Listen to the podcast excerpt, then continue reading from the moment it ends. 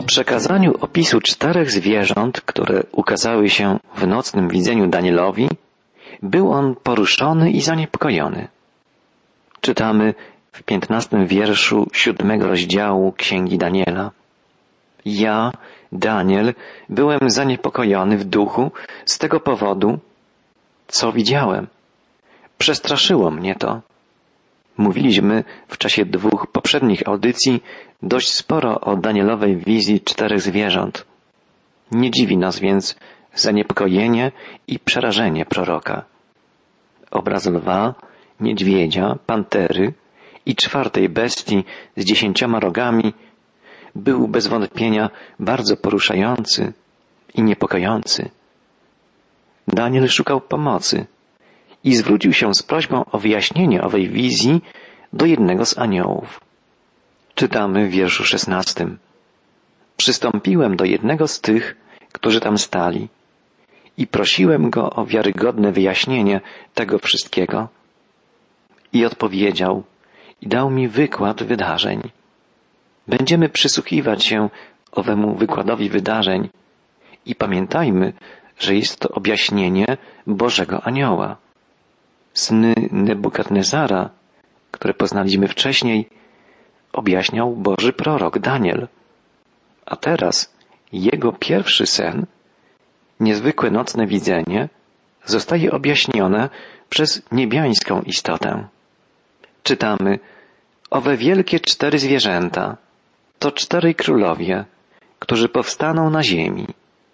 Królestwo utożsamiane jest z królem. Anioł mówi o czterech królach. I wiemy, że chodzi o Nebukadnesara, władcę potężnej Babilonii, która przedstawiona była jako lew z orlimi skrzydłami, a wcześniej jako złota głowa posągu. Potem nastali królowie Medii i Persji, Dariusz i Cyrus, ukazani jako niedźwiedź miażący wszystko dwiema potężnymi łapami, a wcześniej ukazani jako srebrne ramiona posągu. Następnie pojawił się na arenie dziejów Aleksander Macedoński, zwany Wielkim. Rzeczywiście wielki wódz Imperium Greckiego. Ukazany jako brzuch i biodra posągu wykonany z miedzi oraz jako pantera, szybka, zwinna. I takie były właśnie wojska Aleksandra Wielkiego. Szybkie, operatywne. Zaskakiwały przeciwników umiejętnością błyskawicznego, jak na tamte czasy, przemieszczania się. Symbole występujące w proroczych wizjach oddawały charakter zarówno królestwa, jak i króla, władcy. Podobnie, zauważmy, Królestwo Boże będzie wypełnione Bożą obecnością. Bóg jako król będzie w centrum Królestwa Wieczności. Sam jako niezmienny, wieczny, będzie Jego świątynią, Jego światłością, Jego sercem, Jego opoką, fundamentem. Daniel usłyszał dalsze słowa anioła. Lecz potem święci Najwyższego otrzymają królestwo i posiądą królestwo na wieki, na wieki wieczne. O kim mówi anioł, zapewniając, że święci Najwyższego otrzymają królestwo? To bardzo ważne, byśmy wiedzieli, o jakich świętych chodzi. W tym rozdziale Księgi Daniela aż pięciokrotnie czytamy o świętych. W wierszu 21 czytamy, gdy patrzyłem, wtedy ów róg prowadził wojnę ze świętymi i przemógł ich. W wierszu 22 przyszedł sędziwy i odbył się sąd i prawo zostało przyznane świętym Najwyższego. I nadszedł czas, że święci otrzymali królestwo. Dalej w wierszu 25 czytamy Będzie mówił róg zuchwałe słowa przeciwko Najwyższemu. Będzie męczył świętych Najwyższego. I w końcu w wierszu 27 Królestwo, władza i moc nad wszystkimi królestwami pod całym niebem będą przekazane ludowi świętych Najwyższego. Możemy zadać sobie pytanie, czy chodzi o świętych czasów Nowego Testamentu? Wiemy, że wizja Daniela odnosi się innymi do okresu wielkiego ucisku, i do czasu tysiącletniego królestwa. Wtedy świętych Nowego Przymierza nie będzie już na ziemi. Zostaną wcześniej pochwyceni przez Chrystusa jako Jego własność, jako Jego Kościół. Mamy taką skłonność, żeby ograniczać działanie Boga do jednego określonego czasu, do jednej określonej grupy, jednego miejsca. Są nawet denominacje, kościoły czy sekty zawężające pojęcie świętych jedynie do swoich wyznawców. Bóg nie jest tak ograniczony w swoim działaniu. Nie jest ograniczony ani czasem, ani miejscem. Dzieci Boga to wielka rodzina. Niejednokrotnie Biblia sugeruje, że będziemy zaskoczeni tym, kogo spotkamy w niebie, jeśli sami się tam znajdziemy. Bez wątpienia Bóg ma także swoich świętych czasów Starego Testamentu. Pomyślmy o Abrahamie, o Józefie, Izajaszu, Danielu. Pomyślmy o Mojżeszu i Eliaszu, z którymi Jezus rozmawiał na górze przemienienia. Naród hebrajski został nazwany ludem świętym, czyli oddzielonym, wybranym. I Bóg przeprowadzi swoje plany względem Izraela do końca. W czasie tysiącletniego królestwa wierna reszta Izraela będzie stanowić jego lud, głoszący zwycięstwo Mesjasza. Będą znów jego sługami, misjonarzami, niosącymi dobrą nowinę do najbardziej odległych zakątków świata. Tak jak czynili to pierwsi chrześcijanie wywodzący się z narodu wybranego, apostołowie i ich uczniowie. Nie myślmy egoistycznie, samolubnie. Nie zawężajmy Bożego zbawczego dzieła do jednego czasu, do jednej grupy. Drogi Boga są wyższe od naszych. Myśli Boga są większe, wspanialsze, doskonalsze. Pamiętajmy o słowach apostoła narodów. Albowiem Bóg poddał wszystkich w niewolę nieposłuszeństwa, aby nad wszystkimi się zmiłować. O głębokości bogactwa i mądrości i poznania Boga. Jakże niezbadane są wyroki Jego i niewyśledzone drogi Jego albowiem z Niego i przez Niego i ku Niemu jest wszystko. Jemu niech będzie chwała na wieki. Pamiętajmy, Bóg działa pośród ludzi na przestrzeni tysięcy lat. Przemawia do nich, ratuje ich, zbawia i czynił tak na długo przed nastaniem ery Kościoła, na długo przed zesłaniem Ducha Świętego i będzie działał wśród ludzi także po pochwyceniu Kościoła, w czasie wielkiego ucisku, w czasie tysiącletniego królestwa. A wielka rola w tym Bożym dziele przypada ludowi pierwszego przymierza, ludowi ojców wiary, proroków i apostołów. Pamiętajmy o słowach Pana Jezusa skierowanych do Izraelitów. A wy będziecie mi królestwem kapłańskim i narodem świętym. Radujmy się, że dzięki wielkiej łasce Boga, okazanej nam w Jezusie Chrystusie, słowa te zostały rozszerzone także na nas. Do wszystkich nas Bóg zwraca się z wezwaniem Świętymi bądźcie, bo ja jestem święty. Słowo święty to w języku greckim hagios.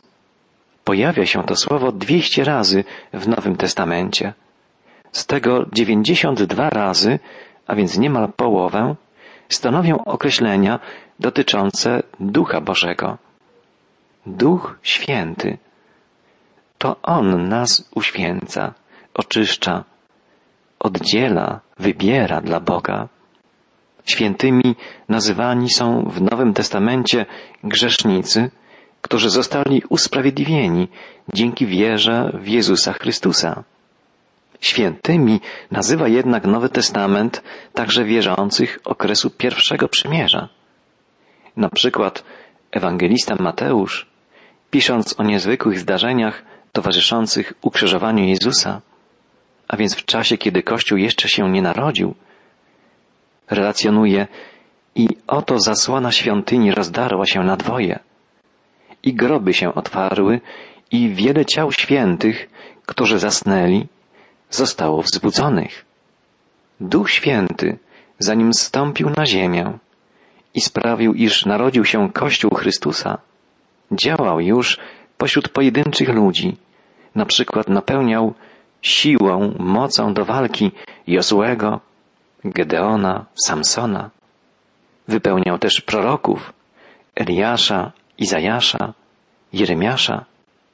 To Duch Święty sprawiał, że przekazywali oni słowa Pana, objawiali Jego wolę, Jego prawdę.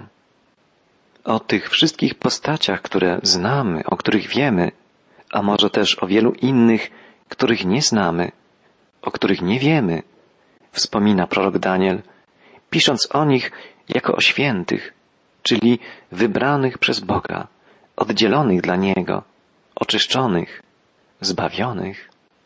Jednym z owych świętych Starego Testamentu był z pewnością Daniel, prorok i mąż stanu, wierny sługa Pana. Jakże radosną rzeczą będzie spotkać Daniela, tak jak Izajasza, Dawida, Józefa, Abrahama w wieczności. Nie wyobrażam sobie nieba bez świętych pierwszego przymierza. Prorok Daniel opowiada dalej swój sen. Wtedy zapragnąłem dowiedzieć się prawdy o czwartym zwierzęciu, które było inne niż wszystkie pozostałe, straszne nad miarę, z żelaznymi zębami i miedzianymi pazurami. Pożerało i miażdżyło, a to, co pozostało, deptało nogami. I o dziesięciu rogach na jego głowie i o innym rogu, który wyszedł i przed którym trzy z nich wypadły. O rogu, który miał oczy i usta, które mówiły zuchwale i który wyglądał na większy niż inne. Relacja Daniela koncentruje się teraz na czwartym zwierzęciu. Była to bestia najbardziej przerażająca, inna niż pozostałe. Bestia z żelaznymi zębami i miedzianymi pazurami. Pożerała i miażdżyła wszystko, a to, co pozostało, deptała. Imperium rzymskie było znienawidzone przez narody, które musiały mu się podporządkować. Wiele ludów buntowało się przeciw Rzymianom, ale musiały ulec ich żelaznemu orężowi. Znamy na przykład z historii zrywy wielkiego wodza Hannibala, ale i on, jak wielu innych, musiał ulec potędze Rzymu. Rzym odrzucił Syna Bożego, Zbawiciela, poprzez swego przedstawiciela, namiestnika Piłata, który postawił Jezusowi cyniczne pytanie: Co to jest prawda? Rzymscy żołnierze ukrzyżowali Jezusa i prześladowali Kościół Chrystusa. Mordowali pierwszych chrześcijan. Dziesięć rogów na głowie bestii nie jest zapowiedzią nowego królestwa. Wyrastające z ciała zwierzęcia rogi stanowią jedną całość z nim, nie są czymś odrębnym. Są obrazem późniejszego rozwoju, przekształcenia się rzymskiej potęgi w inną formę sprawowania władzy. Mówiliśmy już o dziesięciu królach, którzy pojawią się na scenie historii dopiero w czasach eschatologicznych. W czasach końca pojawi się jeszcze jeden mały róg, który zapowiada pojawienie się antychrysta, zwanego też człowiekiem grzechu. Pokona go dopiero Chrystus w czasie swego drugiego przyjścia. Daniel opowiada dalej, a gdy patrzyłem, wtedy ów róg prowadził wojnę ze świętymi i przemógł ich. Podobne słowa znajdujemy w księdze Apokalipsy świętego Jana. Czytamy w rozdziale trzynastym. I dozwolono mu wszcząć walkę ze świętymi i zwyciężać ich. Dano mu też władzę nad wszystkimi plemionami i ludami i językami i narodami. Tak stanie się na krótko, pod koniec okresu wielkiego ucisku, o czym czytamy kilkakrotnie w Księdze Apokalipsy. Pomyślmy, historia ludzkości jest pełna wojen, walk, bitew, a okres panowania rzymskiego imperium był pełen krwawych rozpraw, potyczek i wojen. Jeśli spojrzymy na historię Europy, gdzie od tysięcy lat sąsiaduje ze sobą wiele narodów, dostrzegamy niekończące się napięcia, konflikty, wojny, w tym dwie o skali światowej, obie rozpoczęte w Europie. Jak wiemy, druga rozpoczęła się niestety agresją na Polskę. Czy to w naszym kraju, czy w niemal wszystkich innych państwach Europy trudno byłoby znaleźć miasto, gdzie nie stałby jakiś pomnik poległych żołnierzy, albo pomnik zamordowanych w czasie wojny niewinnych cywili. W ogóle dzieje człowieka to jedno pasmo wojen, walk, bitew, dziesiątkujących narody, wyniszczających państwa, miasta, rujnujących całe cywilizacje. Ktoś powiedział, iż paradoksem naszych czasów jest to, że mamy wiele ruchów pacyfistycznych, ale nie mamy pokoju.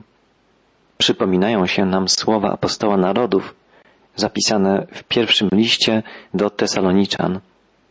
Gdy mówić będą pokój i bezpieczeństwo, wtedy przyjdzie na nich nagła zagłada, jak bóle na kobietę brzemienną i nie umkną.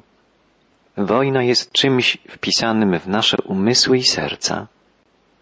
W zapisanych przez historyków dziejach ludzkości widnieje 15 tysięcy wojen i 8 tysięcy traktatów pokojowych.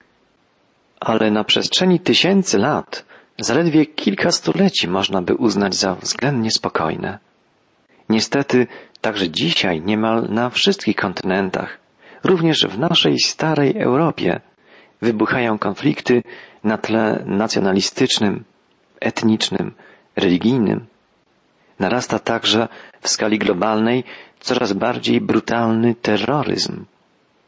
Świat rządzony przez człowieka nie jest miejscem spokojnym, bezpiecznym i nie będzie takim aż do końca. Proroctwa Daniela pouczają nas, byśmy byli świadomi, iż konflikty, wojny inspirowane przez szatana, ojca buntu, ojca nieposłuszeństwa, kłamstwa, gwałtu, będą trwały aż po kres ludzkich dziejów, a nawet w czasach końca przybiorą na gwałtowności, na okrucieństwie, tragizmie, mocy. Stanie się tak dlatego, że ludzie, zamiast okazać posłuszeństwo Bogu, zamiast iść za tym, który obiecuje mój pokój daję wam, podążają za zwodzicielem, są zafascynowani złem, przemocą, chcą rozstrzygnąć swoje sprawy siłą, chcą postawić na swoim, niszcząc tych, którzy myślą inaczej. Zwróćmy uwagę, jak Księga Apokalipsy, odwołując się do proroctw Daniela, pisze o fascynacji antychrystem w czasach ostatecznych. I cała ziemia szła w podziwie za tym zwierzęciem, czytamy. I oddali pokłon smokowi za to, że dał zwierzęciu moc, a także zwierzęciu oddali pokłon, mówiąc, któż jest podobny do zwierzęcia i któż może z nim walczyć? I dano mu paszczę, mówiącą rzeczy wyniosłe i bluźniercze. Dano mu też moc działania przez czterdzieści dwa miesiące.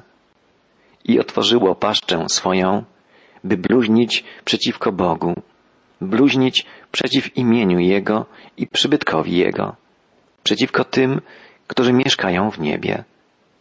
I dozwolono mu wszcząć walkę ze świętymi i zwyciężać ich. Dano mu władzę nad wszystkimi plemionami i ludami i językami i narodami. I oddadzą mu pokłon wszyscy mieszkańcy ziemi, każdy, którego imię nie jest od założenia świata zapisane w księdze żywota baranka. Wyraźnie słyszymy tu echo proroctwa Daniela o małym rogu, który urósł i miał oczy i usta, które mówiły zuchwale i który prowadził wojnę ze świętymi i przemógł ich. Na szczęście nie tak kończy się proroctwo Daniela i nie tak kończy się przesłanie Księgi Apokalipsy. Daniel prorokuje, a gdy patrzyłem, wtedy ów róg prowadził wojnę ze świętymi i przemógł ich, aż przyszedł sędziwy i odbył się sąd i prawo zostało przyznane świętym Najwyższego i nadszedł czas, że święci otrzymali królestwo. Ostateczne zwycięstwo należeć będzie do tych, którzy stanęli po stronie Boga, którzy z Nim związali swoje życie. Jak dokona się to zwycięstwo? Czytamy o tym w Księdze Apokalipsy. W czternastym rozdziale znajdujemy takie słowa. Jan świadczy, widziałem anioła wstępującego z nieba, który miał klucz od otchłani i wielki łańcuch w swojej ręce i pochwycił smoka, węża starodawnego, którym jest diabeł i szatan i związał go na tysiąc lat. A gdy się dopełni tysiąc lat, wyjdzie, by zwieść narody i by zgromadzić je do boju. I otoczą obóz świętych i miasto umiłowane. Lecz spadł ogień i pochłonął ich.